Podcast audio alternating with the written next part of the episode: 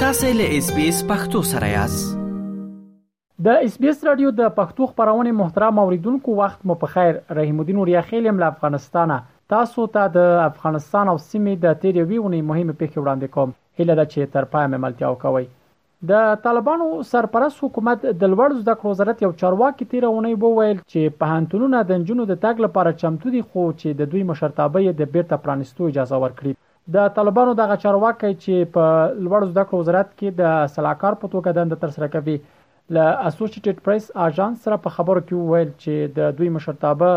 ملا هیبت الله امر وکړ چې پوهنتونونه بند شي، بند شول، اوس چې بیرته د خلاصولو پریکړه یې وکړي په همغه ورځ به بیرته پرانیستل شي د طالبانو دغه چارواکي له اسوشیټډ پریس سره خبرو کې همدارز وویل چې دوی دا هرڅه په دې خاطر کوي چې د خپل مشرانو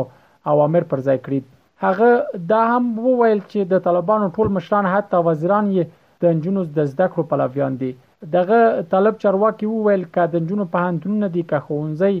هلته هرڅه د مخه چمتو دي خو یوازې وختونه خای بدل شي داسې چې د مثال په ډول هلکان سهار او انجونې ماسپښین درسونه ووایي. د طالبانو د لوړو زده کړو وزارت دغه چارواکی دا څرګندونه داسې مهال کوي چې پر افغانستان د دوی د واکمنۍ دوه کاله پوره شول خو لا هم د نجونو پر مخ له شپږم ټولګي پورته د ښوونځیو دروازې تړلې پاتې او همداراز یې د نجونو پر مخ د پوهنتونونو دروازې هم بندې کړې دي.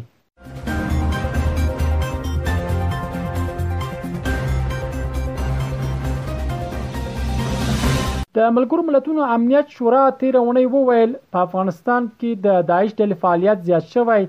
او دغه هیواد وضعیت یې لا پسې پیچلې کړی د ملګرو ملتونو د سرمنشي په ولسم راپور کې چې امنیت شورا ته یې ورکړی و راغلي ول، داعش په افغانستان کې خپلې عملیاتي وړتیاوې زیاتې کړي او تر خوا یې د وسله والو او د کورنیو غړو شمېر یې له څلور زرو تر شپږ زرو پورې اټکل شوی دی. راپور کې راغلي ول چې په افغانستان کې له داعش سره د ختیځ ترکستان اسلامي غورځنګ اړیکې جوړې کړي، دواړو ډلو په مشترک ډول تبلیغاتي پوسټرونه خپاره کړي او آن د دې غورځنګ یو شمېر غړو د داعش خراسان څنګ عملیاتو کې هم ونډه اخیستې. راپور کې دا هم راغلي ول چې د هند په نیمه لویه وچه کې د القاعده یو شمېر غړي له داعش سره همکاري ته لېواله دي. راپور کې واک ته د طالبانو بیا ځلې رسېدو وروسته په افغانستان کې وسلو او نورو پوځي تجهیزاتو ته د داعش خراسان څنګې په لاسرسي هم اندېښنه ښودل شوې وه. امنیت شورا ته د ملګرو ملتونو د سرمنشي په راپور کې دا هم راغلي ول اوس مهال د داعش تر ټولو ستره جګړیزه تګلاره ځانمرګي بریدونه دي او یادونه شوې و چې دا ډله اوس مهال په خپل جوړښتونو کې د ماهرینو یو تش په نامه کمیټه جوړه کړې چې د بریدونو لپاره نوې لارې لټوي د یادونه ده چې د طالبانو حکومت د ملګرو ملتونو امنیت شورا دغه راپور په اړه کومه تبصره ونه کړه خو لدی وړاندې ویلي په افغانستان کې د داعش ډلې ریښې لمنځه وړې دي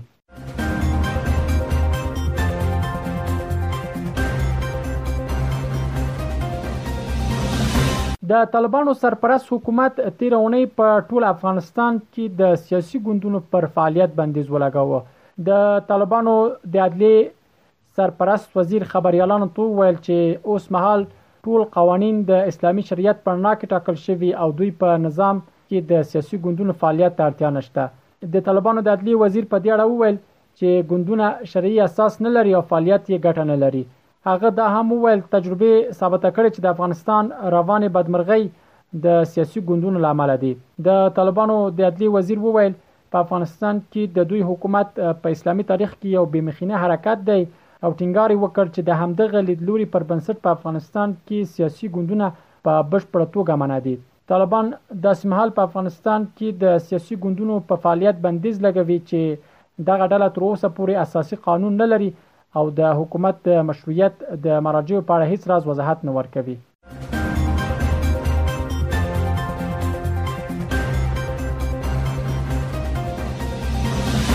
د امریکا د بهرنی چارو وزیر تیر اونۍ وویل له طالبانو سره د پراخ اړیکو ټینګول تر هغه وخت نه ممکن دي ترڅو چې د افغان خزو حقونو ته په درنوي کې پرمختګ نیوي شوی د امریکا د بهرنیو چارو وزیر انتوني بلینکن د طالبانو د واکمنۍ د دوهمې کلیزې په ورځ واشنګټن کې خبریالانو ته وویل متحده ایالات به بیا هم طالبان د خپل کړو ژمنو د نه عملي کولو په تیره د نجونو او ښځو د حقونو په برخه کې مسول وګڼي بلینکن وویل چې امریکا او د نړۍ لسګونه نور هیوادونه په دې برخه کې ډیر واضح دریز لري چې له طالبانو سره د هر راز عادي اړیکو لاره به تر هغه پورې بنده وي چې د نورو حقونو تر څنګ د ښځو او نجونو حقونو ته درناوی ونه کړي. د امریکا د بهرنیو چارو وزیر په خپلو خبرو کې همداراز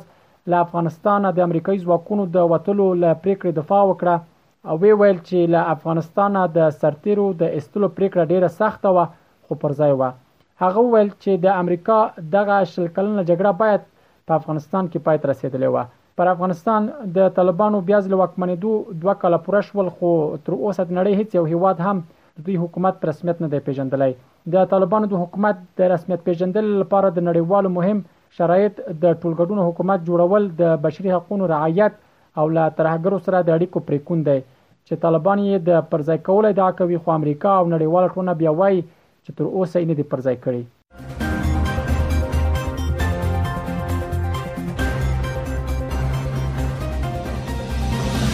د دې اونۍ د پای موضوع هم دا چې اروپאי ټولنې تیر اونۍ وویل افغانستان له یو بیساري بشري بحران سره مخ دی او بیړنیو مرستو ته اړتیا لري یا د ټولنې د طالبانو د بیا ځل واک تر رسیدو د دوهمې کلیزې په مناسبت په خپل راپور کې ویلي ول چې 12 میلیون افغانان اوس وخت کې له سخت لوږې سره مخ دي او اوه میلیونه نور د خوړو له شدید ناامنۍ سره مخ او له قحطۍ یو ګام لرې دي. په راپور کې راغلي ول چې افغانان له چټک اقتصادي سقوط، لوږې او د خوارځواکۍ له ګواښ،